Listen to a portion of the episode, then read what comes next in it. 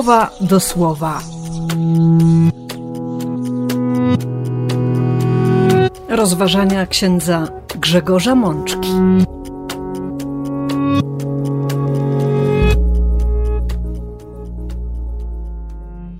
Siedemnasta niedziela zwykła. Rok A.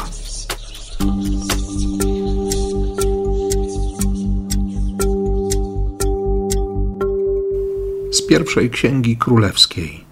Daj swojemu słudze serce zdolne do uważnego słuchania i sprawiedliwego sądzenia.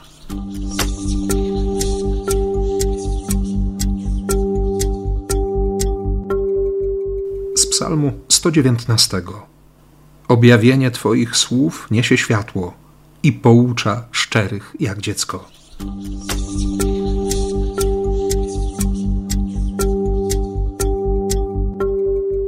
Z listu do Rzymian. Wiemy, że z tymi, którzy Boga miłują, wszystko współdziała dla dobra.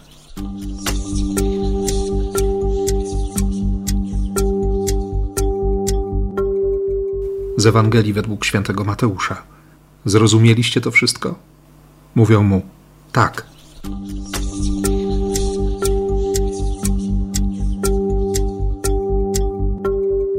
Siostry i bracia, cieszę się, że, że znów spotykamy się przed Bożym Słowem, że chcemy pozwolić na to, by Słowo rozjaśniło nasze serce i nasze myśli, by Słowo Boga przeczytało nas. Zatem bez zbędnych wstępów przejrzyjmy się w tym, co mówi dziś do nas Pan. Najpierw pewna noc w życiu Salomona.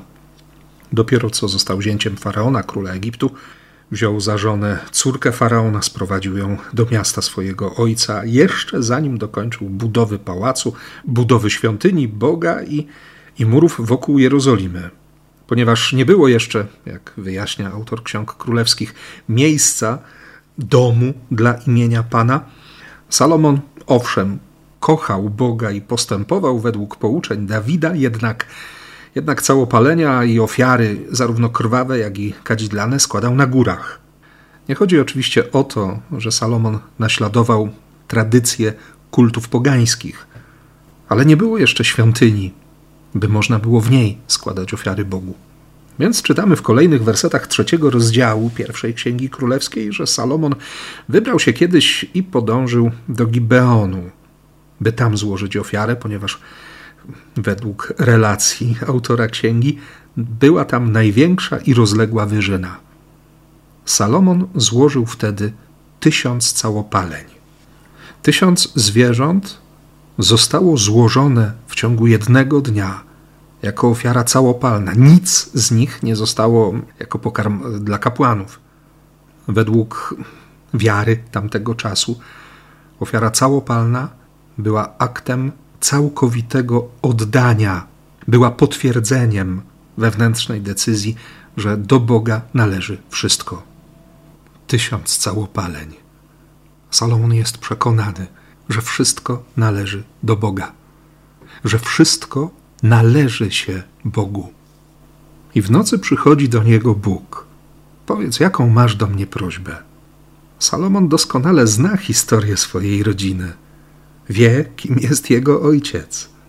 Na pewno nie ukrył się przed nim fakt, że, że Dawid pożądał jego matki Batrzeby, że doszło do morderstwa w białych rękawiczkach człowieka, który mógł być jego ojcem, męża Batrzeby, Uriasza Hetyty.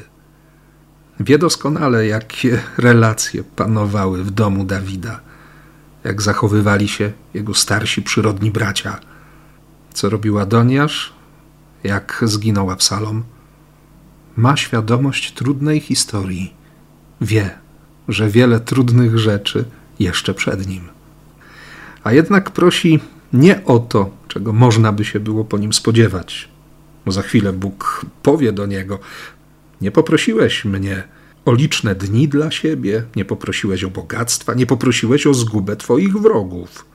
Salomon poprosił o serce zdolne do uważnego słuchania i sprawiedliwego sądzenia. Serce, które słucha, czyli spełnia pierwsze, najważniejsze przykazanie. Szema. Bądź zasłuchany. Słuchaj, a zobaczysz, że będziesz wysłuchany.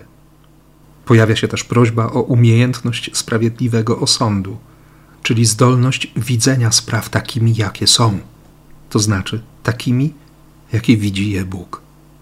Oczywiście, siostry i bracia, ten tekst prowokuje mnie do spojrzenia w moje serce, do przyjrzenia się temu, jak wyglądają moje pragnienia, co jest dla mnie ważne, do konfrontacji osobistej hierarchii wartości, pragnień, marzeń z tym, co mówi Słowo Boga.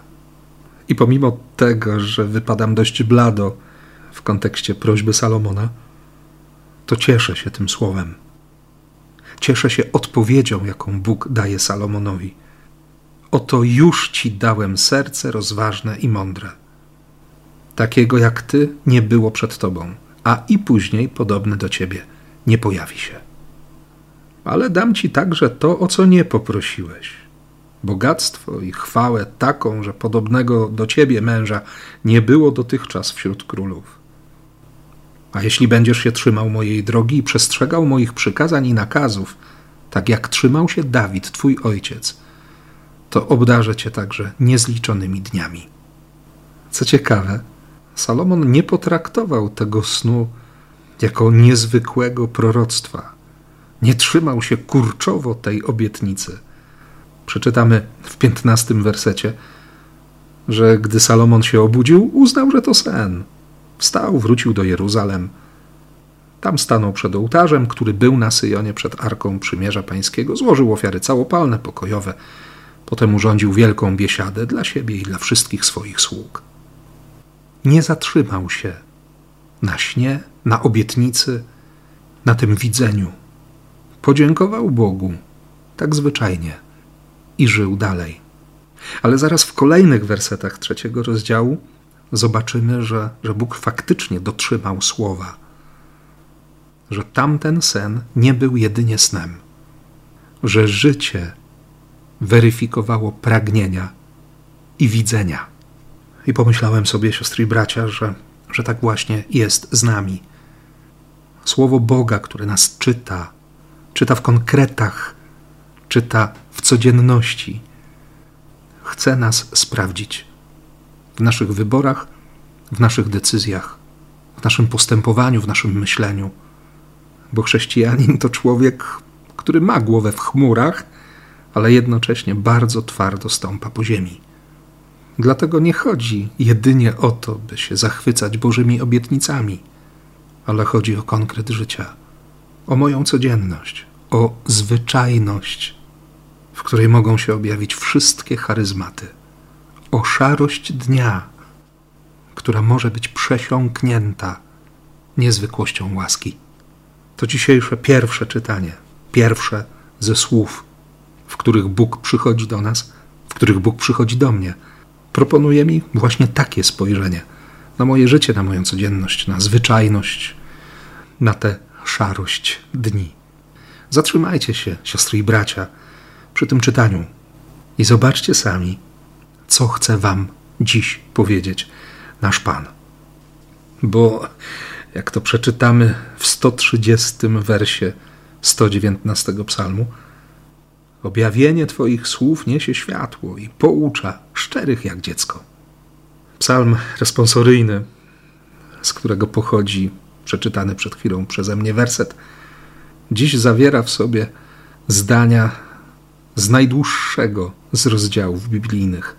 Psalm 119.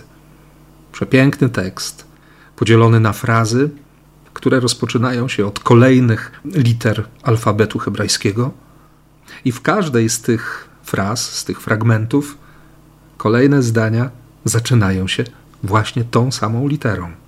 Przepiękne, misterne dzieło literackie, którego celem jest uwielbienie. Uwielbienie Boga bo w każdej z cząstek tego tekstu znajdziemy słowa o miłości, o, o oczekiwaniu, o oddaniu, o zaufaniu. Cały ten psalm jest potężną pieśnią uwielbienia. I wśród tych wszystkich wersetów pojawi się zwerbalizowane przez autora natchnionego przekonanie, że, że Słowo Boga niesie światło, że wyjaśnienie, które daje Pan, poucza tych, którzy mają szczerość dziecka. Pewnie od razu przychodzi nam na myśl zdanie wypowiedziane przez Jezusa. Wysławiam Cię, Ojcze, Panie nieba i ziemi, że zakryłeś te rzeczy przed mądrymi, roztropnymi, a objawiłeś je prostaczkom. A dosłownie tym, którzy mają serce małych dzieci. Szczerość, brak udawania, wolność od hipokryzji, przekonanie, wręcz pewność. Pewność Bożej bliskości, Bożej obecności, Bożej tęsknoty za człowiekiem. Tęsknoty, która objawia się daniem przykazań, czyli obietnic w kolejnym wersecie, 131, którego nie usłyszymy już w dzisiejszej liturgii słowa, przeczytamy: Otwieram swe usta i nabieram oddechu, bo bardzo pragnę Twoich przykazań. Chcę oddychać słowem Boga.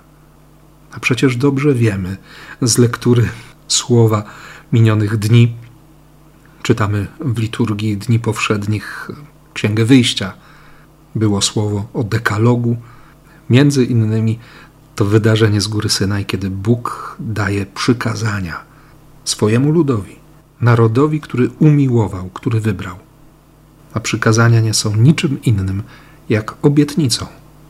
Będziesz mnie słuchał, nauczysz się kochać i zobaczysz, że miłość otwiera ci drogę, drogę obietnicy. Bo kiedy kochasz, kiedy słuchasz, nie musisz grzeszyć. Grzech nie jest ci do niczego potrzebny. Dlatego święty Paweł powie tak konkretnie, tak mocno, że z tymi, którzy Boga kochają, wszystko współdziała dla dobra.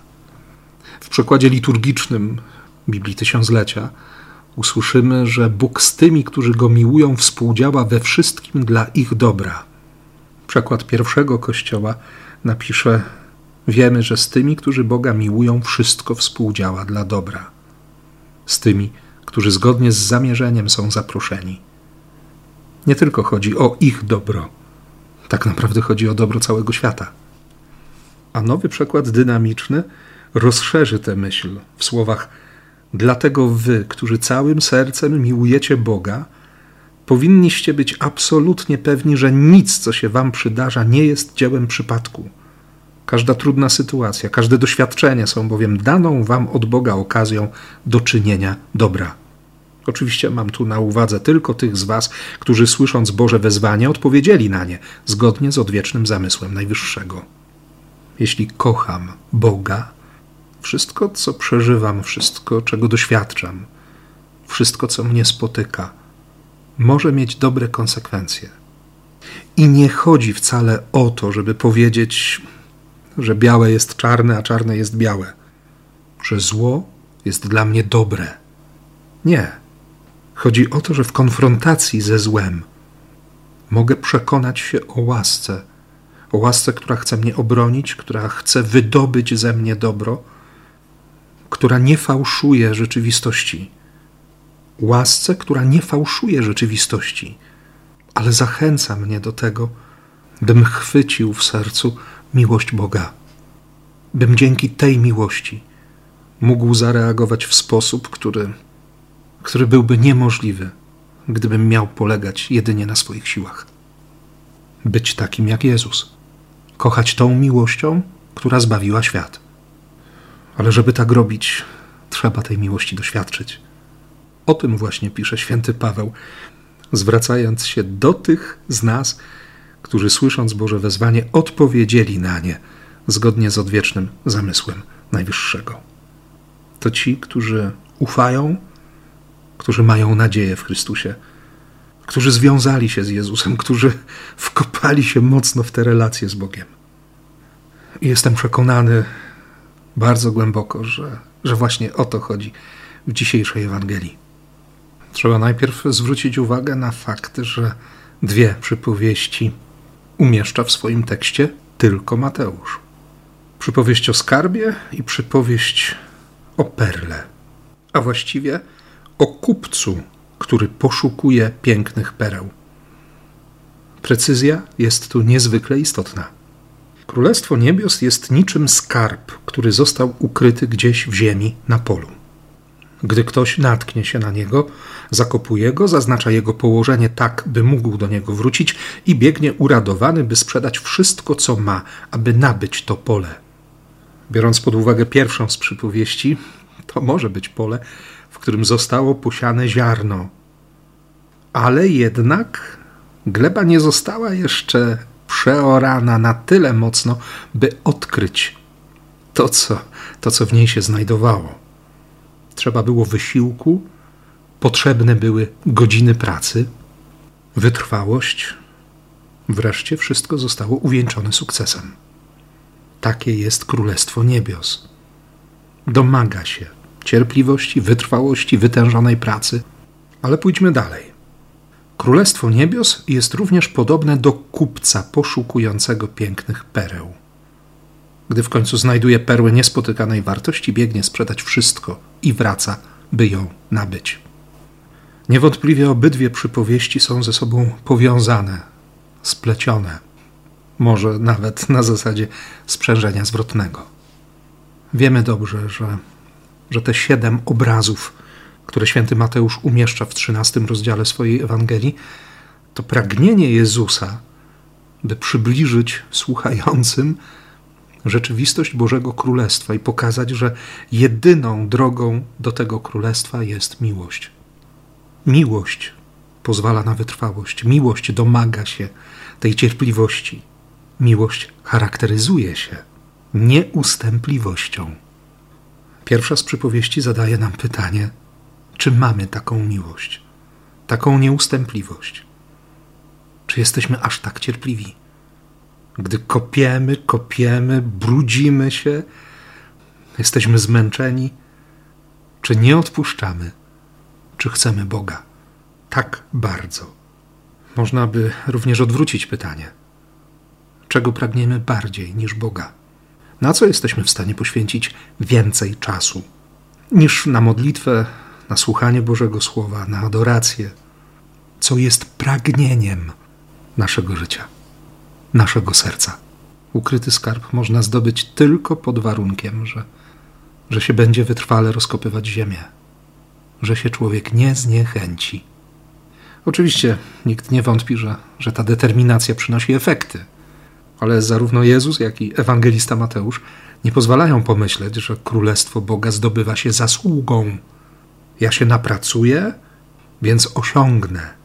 Będę nieustępliwy, w nowennach pompejańskich, w rozmaitych modlitwach, w pielgrzymkach, nawet w adoracji i zasłużę sobie na Boże Królestwo. Dlatego ta druga przypowieść jest nieprawdopodobnie istotna. Królestwo Niebios jest jak kupiec, jak człowiek, który szuka pięknych pereł. Tak, to jest Bóg. Bóg, który szuka perełek wśród wszystkich szlachetnych kamieni. To On. On zrobi wszystko, żeby nam uświadomić, jak drogocenni jesteśmy dla Niego, jaką wartość mamy w Jego oczach, kim jesteśmy dla Jego serca. Tym bardziej, że, że perła, o czym doskonale wiecie, siostry i bracia, to owoc cierpienia małż, perłopław, reaguje na dostanie się do jego wnętrza ciała obcego. To może być ziarnko piasku, to może być jakiś pasożyt, nawet maleńka rybka, i podrażniony produkuje substancję, która, która zasklepiając się przez kilka lat, od dwóch do siedmiu lat nawet, wokół tego intruza, izoluje go od reszty organizmu.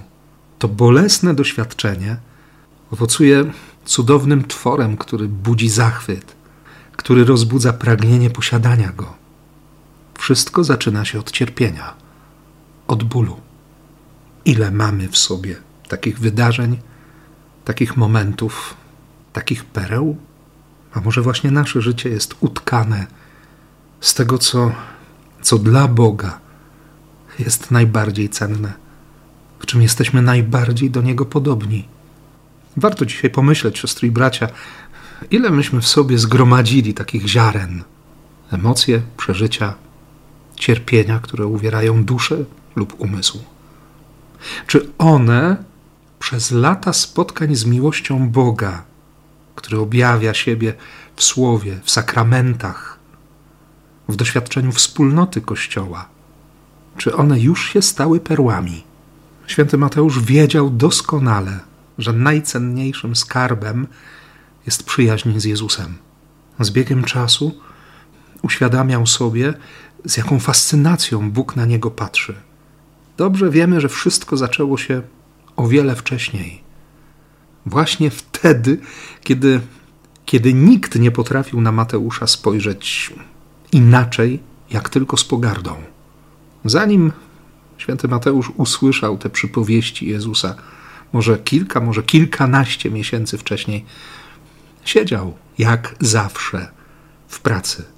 Spotykał jedynie nienawistne i pogardliwe spojrzenia swoich rodaków. Pewnie się do nich przyzwyczaił, bo, bo po latach i oczy, i serce mogą stwardnieć. Przestał się przejmować tym, jak patrzą na niego ludzie. I to ludzie z Kafarnaum. A Kafarnaum to przecież w swobodnym tłumaczeniu miejsce pocieszenia. To miejsce wydobywającej się z głębi serca nadziei na coś dobrego. Może Mateusz żył nadzieją zgromadzenia takich pieniędzy, że się wreszcie role odwrócą, że to on będzie mógł patrzeć na innych z poczuciem wyższości. Ale przyszedł dzień, w którym poczuł na sobie wzrok człowieka z Nazaretu.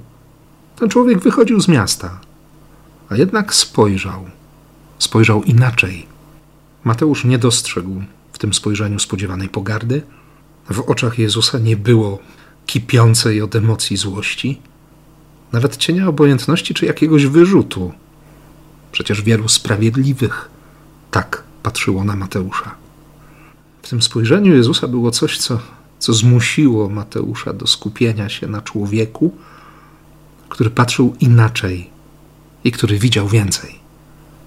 Dlatego od razu zareagował na, na to słowo: chodź za mną.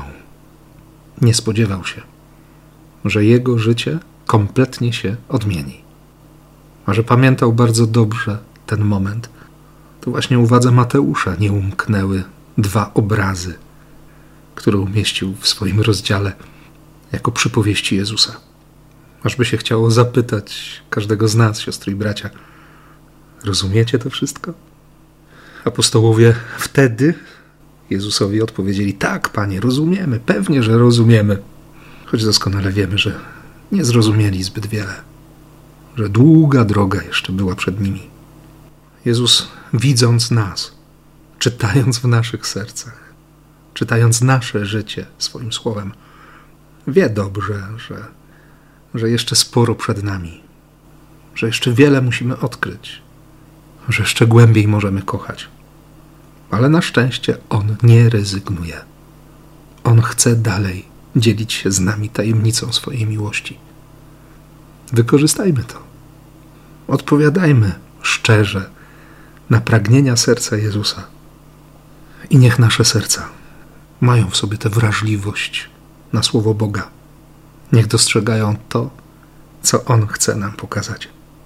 Niech złapią wspólny rytm z sercem Jezusa. Niech tak się stanie, siostry i bracia. Amen.